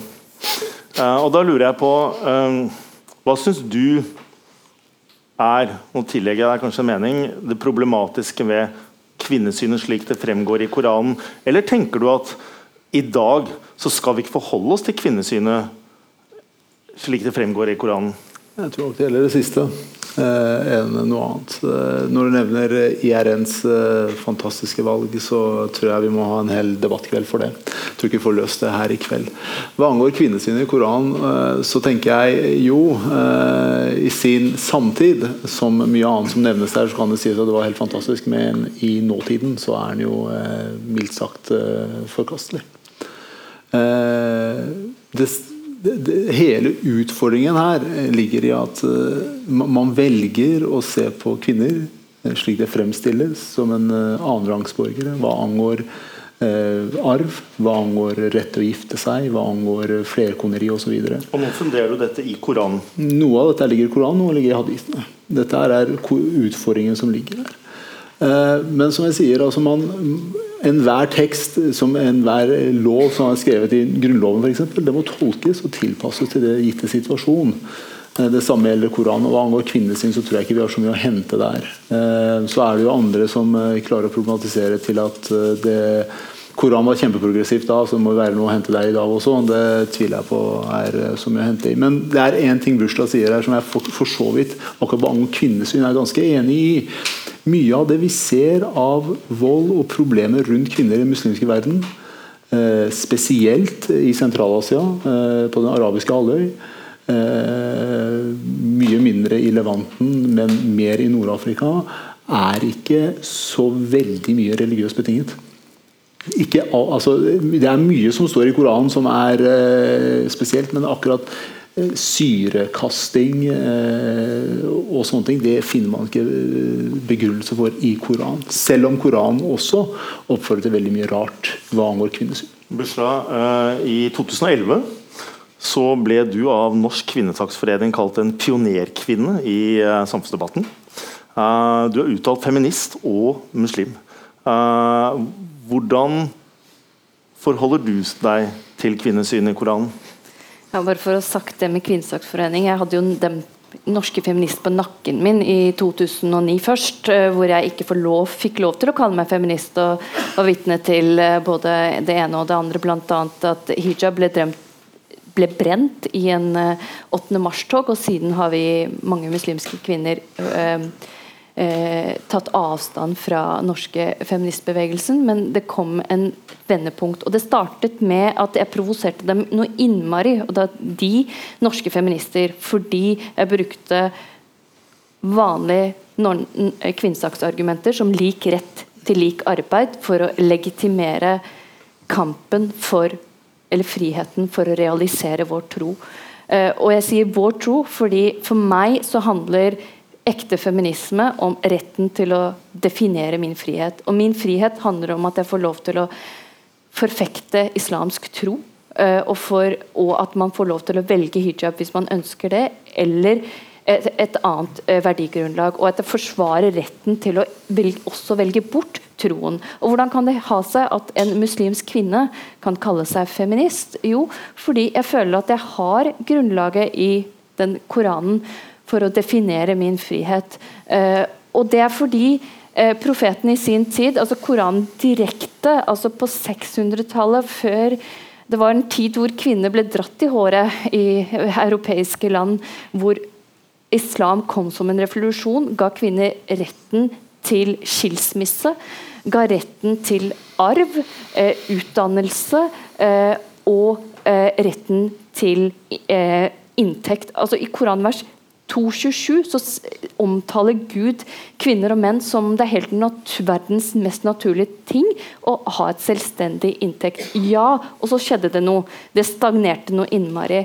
Eh, at man har fremdeles halv retten til halvparten så mye arv versus eh, menn. Eh, og Der snakker vi om en kontekst, eh, kontekst som eh, må eh, implementeres med nytenkning. Eh, og Der har vi Lena Larsen, som har vært tidligere leder av Islamsk råd og er en veldig sterk kvinnelig skikkelse i, blant norske muslimer, som snakker om at kvinnesynet i islam må tolkes Eh, og i den tolkningstradisjonen uh, For vi snakker om en aktiv tolkning, at uh, Koranen må kontinuerlig tolkes. Og det hun er veldig opptatt av, som imamkomiteen IRN gikk inn for nylig, er dette med å implementere etikk og moral. Det vil si konkret i samfunnet Du må være litt kort nå. Ja, men jeg må få lov til å gjøre ferdig argumentet mitt. I den konteksten av samfunnet hvor kvinnen fikk lov til å arve halvparten av det mannen, eh, var at kvinnen ikke ytet like mye som mannen. Og Det Lena og øh, øh, hennes likesinnede sier, er at i den moderne konteksten hvor begge bidrar likt, så må må kvinner få lov til å arve likt. Og Det handler om etikken, om at når du bidrar likt, så må du få likt også. Det er greit, det er greit Uh, fordi vi er egentlig sånn nesten ferdig, og så er det så store temaer. Jeg må spørre salen. Orker dere to og et halvt spørsmål til før, uh, før dere stiller egne spørsmål? Det var én som sa ja. Han fikk det er, det er imamen uh, her, her, i kveld. Jeg har lyst til å stille et annet spørsmål også. Når du nevner feministiske koranfortolkere og behovet for det, Uh, Snikreklame nummer fire. I Samtiden så finnes det en artikkel av Marianne Bø ved Universitetet i Bergen, som er ekspert på dette, og som skriver om at det nå er en ny skal vi kalle det generasjon koranfortolkere som også kaller seg feminister. Som jo ikke er helt selvsagt for alle, men de er troende muslimer og feminister, sier de. Uh, og det har du noe å si til? Jeg har alltid noe å si til akkurat det. fordi jeg tar utgangspunkt i Hvis man har hørt om det iranske presidenten, så har han skrevet en doktorgrad om islams lov og Koran. som uh, Konklusjonen er ganske interessant. Det er altså starten på konklusjonen. Ingen islamsk lov er uforanderlig. Altså Alt kan forandres ved islamsk lov, og det må kontekst, altså tilpasses en samtid. Og Når en fyr som han, som har en doktorgrad i islamsk lovgivning, eh, har studert islam i mange tiår. I tillegg har vært eh, leder for en av de mest eh, islamistiske regimene i verden. Om ikke den islamistiske regimen sier noe sånt, så tenker jeg nok vi har eh, god rom for å tolke ting og tilpasse det. Men det må da gjøres. Om den reformen, altså den bevegelsen du beskriver i, innen den islamske verden, er stor nok og har tyngde nok til å kunne påvirke i riktig retning, er en annen diskusjon. Jeg var da på vei med et spørsmål til Bushra. fordi Dette er jo primært en eh, akademisk bevegelse. Og som eh, ikke fundamentalt vil bryte med islam i det hele tatt, men tolke, nytolke koranvers i feministisk lys. Den mest profilerte av disse tolkerne heter Amina Wadud. Hun er imam. Uh, og det, hvis jeg skal være litt konkret, så er det jo det er kanskje særlig ett vers som er stridbart for disse kvinnene. Og som hun selv avskriver. Det er vers uh, 434. som handler om skal jeg uttale det riktig, kvabavum, stemmer det? Altså hvor Tydeligvis helt feil. kan jeg ikke få litt hjelp fra min arabiske kyndige her? Ok, ord, eh, Debatten går rundt hvordan man utlegger det ordet. Hvor det da står at, eh, at, eh, Nå skal ikke jeg være eksperten her, men det står at Du nikker, takk. At mannen skal være kvinnens om? Forsørger slash beskytter. Fire, tre, fire. Mm? Awama. Det var noe helt annet enn det jeg sa. Ok, nå er det brepet. Altså, striden går på mannens eventuelle domene over kvinnen, og hvordan man skal tolke den relasjonen. Det er et vers som Wadud selv eksplisitt har sagt Det er veldig mange andre vers vi kan diskutere, men hun har sagt at akkurat det verset avskriver den. Det er ikke gyldig for henne. Jeg lurer på deg, Bushra, som feministisk muslim, hvordan forholder du deg til den debatten rundt dette verset? Altså, verset kaller, det er 434, og den kalles for DNA-et til patriarkiet i muslimske land. Og det, det, er et vers som er eh, det jeg refererte til. Eh, Lena og flere i imamkomiteen i Norge eh, har uh, hatt et veldig aktivt forhold til dette med nytolkning. og dette med det handler litt om hvordan man eh, betrakter kvinnen i forhold til mannen. Når man definerer mannen som formynder, så havner kvinnen der nede automatisk. Eh, og Hvis vi sammenfaller, det, er det tolkningstradisjonen i tradisjonell islam handler om. Ikke les en vers bokstavelig. Ta andre vers sammen, legg dem sammen. Eh, implementer det med trostradisjonen, eh, andre hellige skrifter for å få en konklusjon. Og der sier jo, og det, Jeg vil jo kritisere deg litt, Christian, når du sier at det er en akademisk bevegelse som er minimal. Vet du hva, Vi er veldig mange muslimske feminister. Eh, majoriteten av muslimske kvinner i Norge i dag er veldig opptatt av kvinnespørsmålet, så jeg vil ikke si at det er noen få av oss. Eh, og vi har et veldig aktivt forhold til det verset. Eh, og, og det handler jo da om jeg vil være uenig i at vi ikke skal avskrive den, men vi skal nytolke den. Eh, fordi begrepet formynder for Neste setning så er det noe som heter darab. Og da er det plutselig eh, legitimitet av vold mot kvinner. ikke sant? Eh, så det eh, imamkomiteen i, eh, som veldig mange av oss har stått litt bak, for å få det frem, har jo vært med på å nytolke det begrepet, hvor vi faktisk fikk til en fellesuttalelse fra imamkomiteen i 2010, eh, hvor de eh, kom med en nytolkning av ordet darab som ikke var stryk. Og Det er veldig viktig for oss. Jeg, jeg vil heller si at vi skal ikke avskrive, men vi skal nytolke, nytenke, og det er veldig viktig for en aktiv korantradisjon. Jeg sa det var en akademisk bevegelse, jeg sa ikke at det var en minimalbevegelse. Men siden Koranen handler om tilgivelse, så er du tilgitt. Ja, uh, dette er et stort felt. Jeg tror siste ord eh, kanskje bør tilhøre deg, og du hadde lyst til å si noe? Jeg skulle bare si og rette der er det vel helt enig med Busharis angående oversettelser. Egentlig det det ble oversett i Norge, det var 1980, og den Einar Berg det som står der, det blir rettet i den nye oversettelsen fra Islamic Culture Center i den første moskeen i Oslo. Og den var det veldig god. Og jeg tror det han også de har oversett fra den svenske som eh, var det tilgjengelig eh, tidligere. Eh, så dette ordet, f.eks. daraba, det kan være et eksempel når det gjelder nytolking, vi snakker om nytolking. Ja, det, nytolking det er veldig viktig, og det er hjertelig velkommen. Og, men da må det være en fra lærde eh, som kunne disse retts... La oss si lære disse tingene. Og En av de tingene som man kan blande her, eller misbruke, det kan være dette ordet eh, daraba, og, som kan være slå eller noe sånt, eller stryk, gi stryk. Disse er det i Koranen her fem betydninger og hvorfor man oppsummerer den voldelige, så der er det et spørsmål som man kan eh, finne finne i nytolken i den nye. Ja. Det er ikke lett å bli klok. Eh, eh, hvis du har lyst til å si noe om det, så bør du være veldig veldig Jeg skal kort. være veldig kort. Det som er ganske interessant, det er vi ender opp i en sånn eh, språkdiskusjon. fordi eh, Det som er viktig her, er altså at arabiske verb i forskjellige former og Nå kommer, nå skal jeg bare ta en kjapp greie. Ah, Verbene i Koran, alle ord i Koran kommer med korte vokaler som gir veldig presis betydning av hva ordet egentlig betyr. Selv om hver ord på arabisk med tre rotbokstaver kan få mange betydninger, forskjellige betydninger basert på vokalens plassering, så er det ganske lett å sette det i en kontekst der man forstår hva dette verbet betyr. Og så er det en siste ting. En bevegelse i Norge er vel og bra, men her snakker vi om internasjonal. Her må det mer til. Altså Her har vi Al-Azhar på den ene sida og Mashhad og Rom på den andre sida, som må faktisk være aktive bidragsytere til en endring av tolkningen av islam, og ikke bare en bevegelse i Oslo. Aller Jo, men jeg må få lov til å svare. eh, nei, det får du ikke. Eh, men du, du er blitt sint på meg, da, Nei, det er jeg absolutt ikke. Jeg er veldig glad for at du er her. Og etterpå så skal vi snakke sammen og ha det hyggelig. eh, og alt sammen. Du kan smugle inn svarene dine som du har tenkt å komme med nå, i svarene du kan eh, komme med på spørsmål fra salen. Men jeg har bare lyst til å stille deg et spørsmål konkret til slutt, eh, Abdi.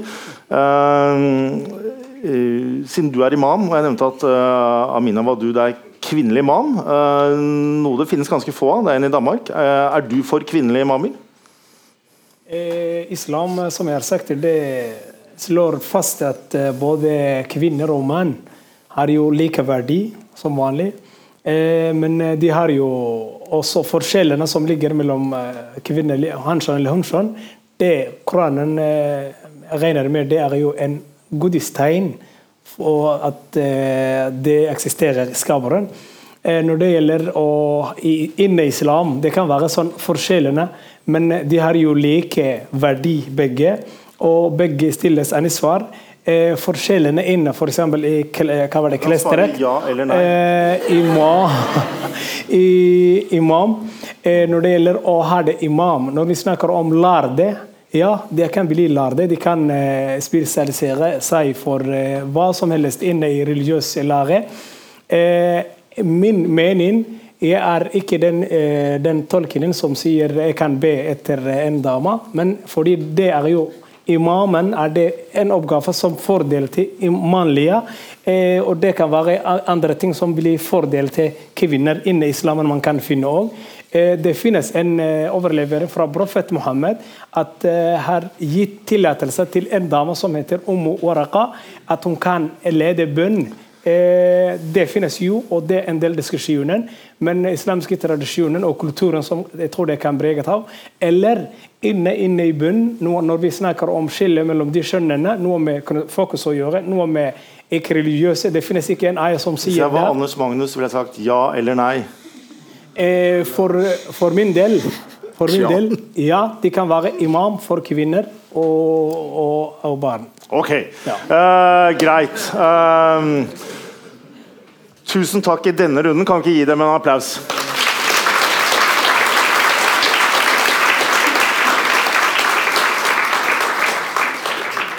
At Koranen kan leses på så mange måter, det er jo interessant. Eh, tusen takk til dere som har holdt ut inne i dette varme auditoriet.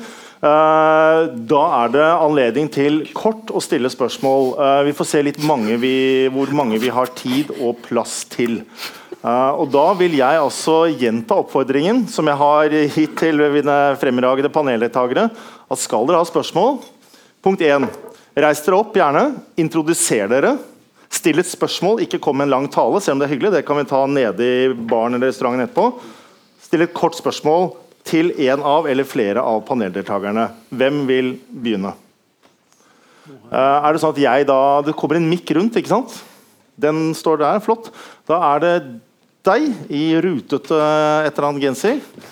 Takk. Um, mitt navn er Noray Gullestad. Jeg er styreleder i Norsk Penn, avdeling Vestlandet, som det heter. Eh, mitt spørsmål går direkte til deg, Abdi. Eh, for du innledet med å si at Koranen for deg betyr dialog. Og jeg lurer på hva Koranen sier om dialog mellom muslimer og ikke-muslimer. Eh, jeg tror det er det beste ordet som har kommet i Koranen. Vi diskuterer jo en del ting inne i Universitetet i Oslo, og det vi har funnet ut Common word, felles ord mellom eh, de som er ikke muslimer. Det var det, den eh, skjønne eller beste ord som vi har funnet. Og når Koranen, eller Koranen oppfordrer å ha dialog med de andre, den eh, sier ikke også 'jeg har bare sannheten'. Den sier det kan vi diskutere, vi kan forstå hverandre, vi kan være enige, vi kan være uenige, men det viktigste er det respekt. Og det man kan lese kjernen for mange mange vers som står i Koranen. Du var eksemplarisk god. Kan alle, hvis alle gjør det samme som hun her, så blir dette veldig bra. Eh, da er det spørsmål til uh, ja-mannen på ringen her. Bjarte Bjørsvik, jeg studerer Midtøsten historie ved Universitetet i Bergen. Eh, du Busra, du snakker jo om det at eh, Koranen beskrevet i den tiden og på det stedet han ble. sant? Eh, kontekst.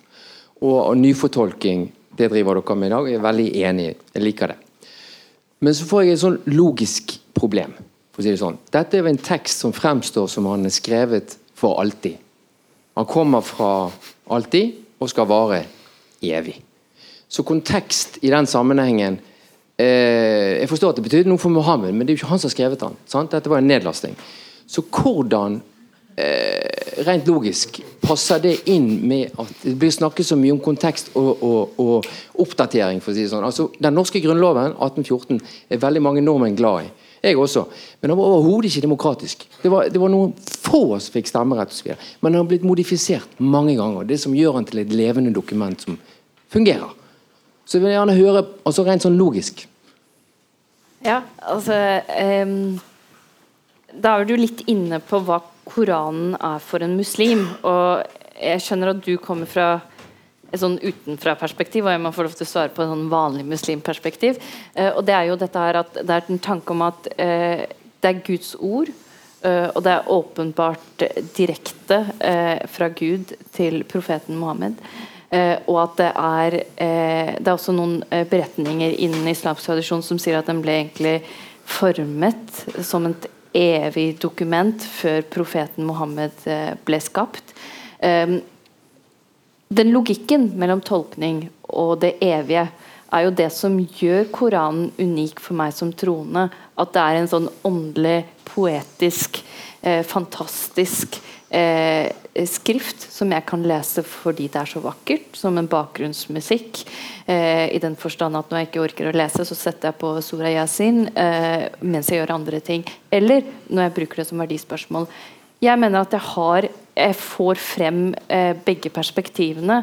Eh, ja, den er eh, Hvis du ser det på et historie altså Den kan ikke endres av meg. Eh, fordi da mister vi den poetiske, åndelige kraften, fordi den er åpenbart i et spesielt skrift og form. Men så må den tolkes fordi hvis du skal ha den som et verdifundament. Jeg vet ikke om helt om jeg svarte på spørsmålet ditt. Jeg, jeg vil gjerne replisere, uh, ja. hvis jeg får lov deg. Uh, du har sagt til meg at uh, i diskusjonen om voldsspråk i Koranen, så har du sagt at jo, de og de og de tekststedene som er litt problematiske, må tolkes i lys av sin kontekst. Mm. Men du velger å fokusere på det som for deg er hovedbudskapet. Eh, korriger meg hvis jeg tar feil. I Koranen. Kjærlighetsbudskapet, som er mer universelt. Mm. Det høres jo litt sånn beleilig ut. Litt sånn som når man leser Bibelen, at de og de tekststedene er foreldrete. Dette er kjernen. Eh, kan man på en måte i møte med religio, en religiøs tekst eh, velge noe bort? Nei, jeg velger jo ikke noe bort. Jeg tolker alt. Eh, også kjærlighetsperspektivet må tolkes. Så Poenget mitt er at hvis Koranen skal betraktes som et verdifundament, som en moralsk kompass, så må jeg ha aktivt tolkningsgrunnlag og kritiske evner og det hele. Men hører jeg den som en bakgrunnsmusikk, eller bare en spirituell For det er et veldig vakkert dokument, eller, eller vakkert, så trenger jeg ikke koble inn mitt rasjonale, intellektuelle Da kan jeg bare slappe av som jeg skulle høre på enhver Begge dere har lyst til å si noe. Uh, hvordan skal jeg løse det, da? Uh, hvor mange er det en som skal si noe her? Uh, Henning? Jeg tror vi skal bare la dem stille spørsmålene sine. jeg, jeg, tror vi går videre. ja, det er helt vilkårlig. Det er deg med brillene. Skal prøve å la de fleste få slippe til. altså. Hallo, mitt navn er Sahara, og um, spørsmålet mitt er for deg, Abdul Latif. Uh, jeg har lyst til å høre om din mening om al-hur al-ain, de vakre damene som du kommer til å få i paradiset. Eh, 68 eller eh, 72 damer. Eh, jeg vil ikke høre hva Koranen sier om det her, fordi jeg har lest det selv. Men jeg har lyst til å høre din mening. Eh, gleder du deg?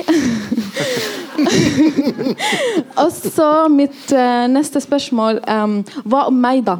Jeg har også en eh, seksuell lyst, og hva kommer jeg til å få? Får jeg eh, akkurat som deg, eller ikke? Ja, da Takk. ble det plutselig en helt annen diskusjon. Spørsmålet er oppfattet. Ja. Eh, jeg kan eh, si når det gjelder eh, paradis, eh, blir beskrevet i Koranen på en veldig bent og vakker måte. Man kan ikke tenke heller. Og man kan ikke fantasere heller. Eh, men eh, det har i Koranen å gjøre at alle kommer å få de som blir belønnet godt etter dommedagen. De kommer å komme i paradis.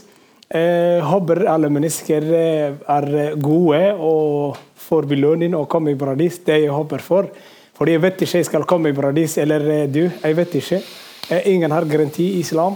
Eh, angående denne beskrivelsen, så det, det er noe som heter kjærlighetsspråk, og der man må lese kontekst. Man kan ikke ta ut og plukke ut og si ja, hva er det meningen. Når det gjelder andre ting, her må vi bli enige om at det som er det viktigste på jorden, det er jo mennesker. Og det er alle religionene enige om. Da blir vi enige om hva er det viktigste etter mennesket men, menneske her. Da er det frihet. Så vi må sette pris på frihet. Og det er jo verdiene Koranen fremmer, og det vi kan eh, benytte i fremtiden òg. Fritt fram, altså. Eh, kan herren med grå et eller annet vest, cardigan, få mikrofonen? Eh, Hei sann, eh, Kristoffer heter jeg. Eh, flott at dere snakker om medmenneskelighet alle sammen. Eh, det er noe alle religioner til felles. Mer konkret, vi kan tenke oss et, eh, i et skille da, mellom eh, muslimske land og eh, muslimske innvandrere. Mitt problem starter når religionsfriheten, sant, som jeg er veldig fan av, men plutselig så vil den, om det gjelder kristne, muslimer eller hvem det er, den krenker eller har intoleranse sant, for andres grunnleggende rettigheter. Sant? Helt konkret, Du nevnte meningsmåling i Storbritannia. eller dere nevnte meningsmålinger. I, I Storbritannia er et par år siden, dere kjenner sikkert til denne meningsmålingen, eh, så fikk britiske muslimer spørsmål om det burde være en straff for å forlate islam. Og flertallet svarte ja. Hovedproblemet her for meg ligger altså at vi har vestlige altså du kan kalle det vestlige muslimer. da sant? Altså, Islam er ikke en rase. Sant? Bare sånn at vi alle er enige der. Sant? Når flertallet av britiske muslimer svarer at det bør være en straff for å forlate islam, hvordan skal vi da komme til et punkt hvor din eh, religionsfrihet da ikke lenger eh, trakker på tærne til grunnleggende rettigheter for andre mennesker? Skal vi si at det er et spørsmål til deg, Mahmoud? Jeg, jeg har veldig lyst til å svare på det, i fall, for du påpeker en ganske interessant altså Spørreundersøkelser blant muslimer er ganske interessante i sin helhet. Altså hvis, man ser, hvis, hvis man ser på hvilke grupper som er tatt for seg, hvis man ser på det under, som er innført med universitetet i Berlin, så viser det samme. Der er tunisere og tyrkere som er hovedgruppen. I England så er det vel folk fra Pakistan og til dels India, muslimer fra den regionen. Det, det, dette du påpeker nå, er jo noe av det som vi starta med her. Eh, en som blir eh, drept av folkemasser av studenter ved et universitet i Pakistan. Blir tråkka i hjel for blasfemi. Og det er ikke bevisst engang. Eh, Dette er gjennomført av individer. Det er eh, vanskelig eh, fordi som jeg, som vi var innledet, så Koranen rettferdiggjør noe av dette. Så kan man sikkert skylde på tolkninger, det går greit, men det rettferdiggjøres i en tekst. Og det er en utfordring.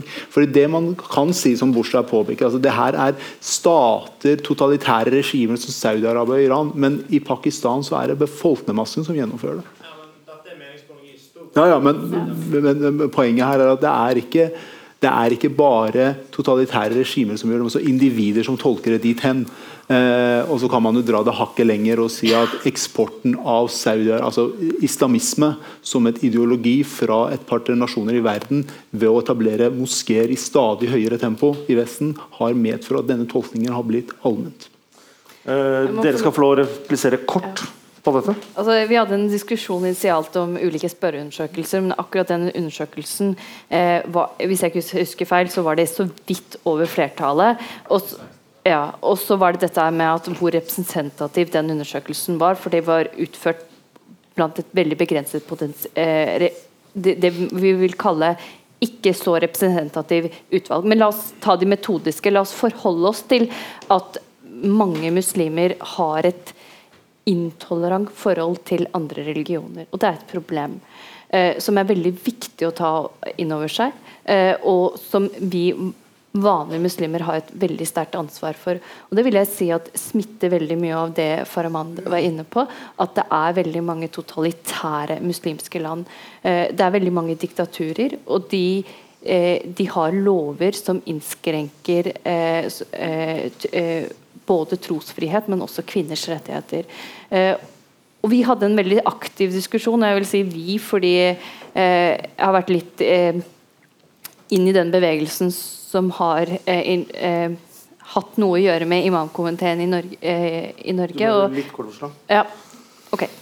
For å referere Koranen på dette punktet, da, så er det vers 42,8 hvor de sier at om Gud ville, ville han gjort dem til ett eneste trossamfunn. Altså, vi finner ikke grunnlag for en tvangskonvertering i islamsk tro. Eh, man har et veldig intolerant forhold til andre minoriteter i muslimske land. Enkelte muslimske land, men ikke alle. I Indonesia lever mange eh, eh, ikke-muslimer side om side. Eh, poenget mitt er at det er veldig viktig for meg å bruke min trosgrunnlag for å forfekte en tolerant versjon av religionsfrihet. Og det mener jeg at vi har et veldig aktivt ansvar for, og det gjør imamkomiteen i Norge. Du ville kommentere dette kort? Ja, jeg skulle bare understreke her og si at uh, i Norge vi har jobbet med den, den norske kirken, og så vi har kommet uh, uh, sånn felles uttalelser, erklæring om trosfrihet. Og jeg tror det muslimene er jo enige om et uh, menneskerettighetene, spesielt den 18 paragraf i menneskerettighetene. Og det kan, være, det kan være ikke noe med religion å gjøre, men det kan være noe politisk eller kulturelt. Og det er helt sikkert, må være ærlig å si, da jeg kommer fra, det var ikke andre religionene. Og det tenker jeg meg f.eks. en nordmann som har vært her eh, for 40 år eller 50 år siden. Hvordan var det situasjonen? Da det er noe med kunnskap å gjøre. Så jeg tror det Eh, tingene og tidene kommer å forbedre en del situasjoner i fremtiden. Det er spørsmål fra deg i grått i midten. Hei sann. Har jeg lyd? Ja, der. Eh, hei, Sveinung heter jeg. Um, mitt spørsmål uh, handler om noe som man ofte hører snakk om uh, i debatter som denne. Uh, eller noe som gjerne blir sagt, og som jeg hørte ble sagt nå i dag òg. Nemlig at Muhammed var et perfekt menneske, sier noen. Eller bare et godt forbilde, sier noen. Ja, du sa jo òg det. Um, og så ja, så skjønner dere jo selvfølgelig hvor jeg vil hen. Han eh, drev og kriga og gjorde masse ting som generelt var ganske usympatisk. Eh, og så kan man jo si det der med at ja, han var eh, en mann av sin tid. Men det tenker jeg at er et veldig problematisk argument. Fordi at hvis man sier at Muhammed var perfekt, eller i hvert fall et veldig godt ideal, så hever jo det han over tid og rom. Um, burde ikke han da i så fall ha skjønt at liksom, ja, Jesus var sånn sett mer progressiv, kan man argumentere for. Og så har jeg også lyst til å bare si det her med, som dere snakka om, eh, Medina-perioden og Mekka-perioden. Um, jeg, jeg, det er en veldig god refleksjon, men er det et spørsmål i forlengelse av Muhammed? eh, jeg vil høre deres refleksjoner omkring den innvendingen min. Ja. Mm. Er, er, det, det er spørsmålet? Det er spørsmålet, og så kommer det en forlengelse. Jeg skal ja. ja. men du er veldig flink. Kjør på. Ja, ok, takk. Mekka Medina-perioden ble òg nevnt. Uh, en innvending som jeg ser for meg Nå bare tar jeg det her litt på forskudd, men jeg ser for meg at en innvending mot det spørsmålet mitt i stad Eh, kunne vært at ja, men eh, man må uansett tolke, og da må man liksom Ja, Muhammed gjorde òg veldig positive ting. Problemet med det svaret er jo at de positive tingene som Muhammed gjorde, hovedsakelig befinner seg i Mekka-perioden. Altså den perioden før Medina-perioden. Og det er et teologisk premiss i islamsk teologi at de, de versene som kommer etterpå, er mer gyldige, gyldige enn de som kommer før. Eh, derfor er det, problem, eh, det argumentet problematisk, og, og det med at han er perfekt, er problematisk, gitt at ja. Hvem av dere har aller mest lyst til å kommentere dette? Jeg har veldig lyst til å kommentere det. For nå er du litt sånn i den uh, Det er nesten ytre høyrefløye. Uh, Mekka og Medina-tid. Jeg som troende praktiserende muslim kjenner ikke til at det ene verset er mer verdt enn den andre. Jeg forholder meg til den boka hvor alle versene er like verdt. Eh, og så er dette her med det perfekte mennesket. Der skiller du mellom eh, jeg, tror, jeg, tror, man blir veldig farget av den kristne tradisjonen. Altså, Jesus var eh, Guds sønn. Profetene i islam er ikke noe annet enn vanlige mennesker som har fått et spesielt oppdrag. De er mennesker, de gjør feil, og de er ikke perfekte i den forstand. Men de er veldig gode forbilder. Eh, det var det korte svaret jeg ville gi. Tusen takk. Nå er du veldig flink. Eh, og jeg syns egentlig alle spørsmålsstillerne har vært veldig ubergenske og veldig flinke. Eh, selv om det ofte er eh, Det er ikke motsetninger. Eh, det er noen som går nå eh, fordi vi er på overtid, men vi gjør det bare sånn at de som sitter, skal få lov å sitte og stille spørsmål. Når det gjaldt ytre høyre fløy, så er det du som er på ytre fløy høyre fløy her, Mahmoud. Uh, ville du svare eller kommentere det uh, spørsmålet? Jeg syns det er ganske betimelig spørsmål, spesielt med tanke på det perfekte mennesket og forbildet. Uansett hvordan man vrir veden på det, så brukes jo Mohammeds liv som et ledetråd for muslimer generelt. Og det er kanskje Du reflekterer kanskje over det, men jeg tror ikke alle gjør det. Og det er litt av utfordringen. Hva angår Og så må jeg legge til, fordi jeg skal bare være kort. Eh, jeg har vokst opp i et hjem altså Mine besteforeldre på mors side de var muslimer, og de begynte å be i voksen alder og gikk med slør og alt som var. Eh, ikke begge to, men eh, mormor. og, og, og, med det det medfører. Men det, er en del ting jeg møter og det må jeg si ganske underlig i, i Vesten, blant muslimer i Vesten som jeg aldri opplevde i huset til mine besteforeldre. Det var aldri snakk om en del av de forhold og diskusjoner som jeg opplever som voksen person i Vesten, var aldri et tema i, Khomeini-styrte Iran. Eh, Mekka-Medina-perioden var aldri et tema. Uh, man latterliggjorde mye av disse dekreene som kom om uh, man bare karikere igjen. Hvis du i tilfelle bombeangrep måtte falle på din mor, og din penis måtte penetrere, henne, så er det for så vidt greit. Det, er, helt, sånn, det er ting som er muslimske lærere i Iran har skrevet ned. men det er sånn, jeg, jeg, jeg, forstår spørsmålet ditt, men så tenker jeg tilbake at det her, jeg har denne refleksjonen mellom Mekka og Medina Jeg forstår hvor du vil hen, for jeg forstår hva du tenker, men den er ikke levende blant muslimer. Nå er jeg bare veldig ærlig og sier at basert på mine opplevelser gjennom å ha reist gjennom en del muslimske land. Da er det spørsmål fra kvinnen i den stripete genseren med leopardmønstret fòr. På jakken. Takk, Kristian. Eh, snakker, altså jeg, tilbake til det spørsmålet i stad om forholdet forhold til vantro. Eh, en vet at i Egypt så er det knapt kristne igjen.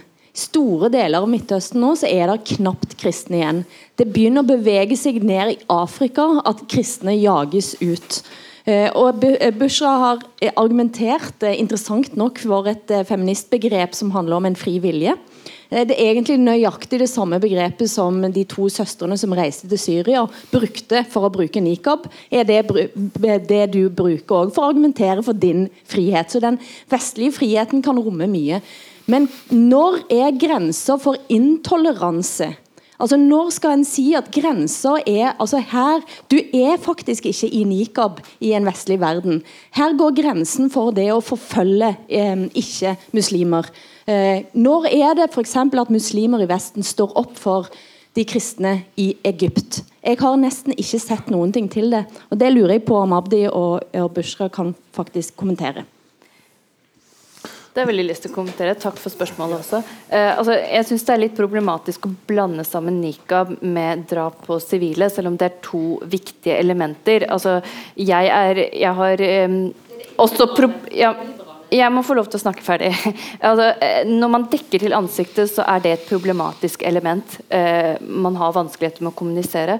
Og det er en tradisjon i islamsk tro at eh, nikab ikke er en pålegg. Faktisk er den forbudt under pilegrimsreisen, men noen ortodokse muslimer gjør det. Men at noen får ha en ytterliggående holdning til et trospraksis, gjør ikke nødvendigvis dem til terrorister. Det, jeg vet at de som reiste til Syria også brukte det, men det fins fredelige faktisk muslimer, selv om de er veldig konservative, skiller seg ut av samfunnet, så betyr ikke de at det er de som dreper kristne i eh, Egypt osv. etc. Men til dette her med at det utvikler seg en veldig intolerant holdning mot minoriteter i muslimske land. Altså Hele Midtøsten er i oppløsning. Det er i flammer, og det er styres av diktaturer. Og det er mangel på menneskerettigheter, det er mangel på demokrati. Eh, og Det er et veldig viktig problem. og Det, handler, det blir nesten som om eh, snakk om, altså, snakk om at folk skal spise kaker når man ikke har brød engang. Altså, vi trenger implementasjon av samtlige grunnleggende menneskerettigheter, deriblant trosfrihet. Eh, og etnisk rensning av eh, kristne pågår samtidig som det pågår drap av eh, muslimer. Og, Når du sier at ingen muslimer har ropt eller stått opp for eh, kristne som drepes i muslimske land, så er det grundig feil. Eh, Marrakech-deklarasjonen, hvor 153 muslimske lærde, verdensledende, eh, kom med en fellesuttalelse, snakker veldig tydelig for at det er feil. Det er ikke islams navn. Det er en, et ledd i et korruptisk, eh, antidemokratisk eh, regime eh, av politikk som nå flyr over muslimske land. Og det er et kjempeproblem. Og jeg tar et veldig tydelig avstand fra den intoleransen, og det har jeg gjort i mange år. Av alle ti årene jeg har vært aktiv i norsk offentlighet, så har jeg tatt avstand fra både drap på andre minoriteter, homofile osv. Ja, jeg skulle bare si samme. Jeg tror det er ikke noe mer. Vi snakker om når eh, staten feiler, så det blir jo problemer med ulike gruppene. Og det kunne vært eh, staten som skulle passet på disse gruppene, skulle vært fredelig. Og utover det sier deres tro som de vil. Men der må vi vite at det er masse element som eh, teller. Og så når det gjelder de blir rammet egentlig ikke, jeg tror det, jeg kan ikke si ja, det var mange kirker som blir rammet av terrorister i Egypt, men også mange steder. Og til og med vanlige Eh, muslimer mellom, eh, inne i muslimske eh, grupper. Hver neste dag blir rammet i Somalia, i Mogadishu, i Irak, i Syria. Og blir rammet vanlige folk. Så det blir en del Der er det et, et, problem, et problematisk. Og ikke hele Midtøsten. Jeg tror det er mange steder som er det oppløsning i dette, med dette problemet med ekstremisme i ja. Du ville, du, ville, svare kort, eh, Mammon? Kjapp, kjapp her, her, må man, Det ille du beskriver, Hilde, er jeg helt enig i. Det er et problem, og det er en ut, pågående utvinnende problem for muslimske verden. Eh, men så her må man skille mellom failed states og krig i failed states, altså Somalia, Syria, til dels Irak, og det som får krigshandlinger og terrorhandlinger i muslimske land, også eh, sør, Sørøst-Pakistan til dels, og Afghanistan. Det er én ting, men det å aktivt kjeppjage kristne og jøder det er noe helt annet. Det bor ti jøder det er ti jøder igjen i, i, i Egypt. Det landet som hadde den største jødiske befolkninga i eh, Midtøsten eh, for eh, få år tilbake. Eh, det, det, er den ene sida. Så tror jeg ikke vi tre akkurat er uenige om det spørsmålet ditt. altså hvordan det her skal løses.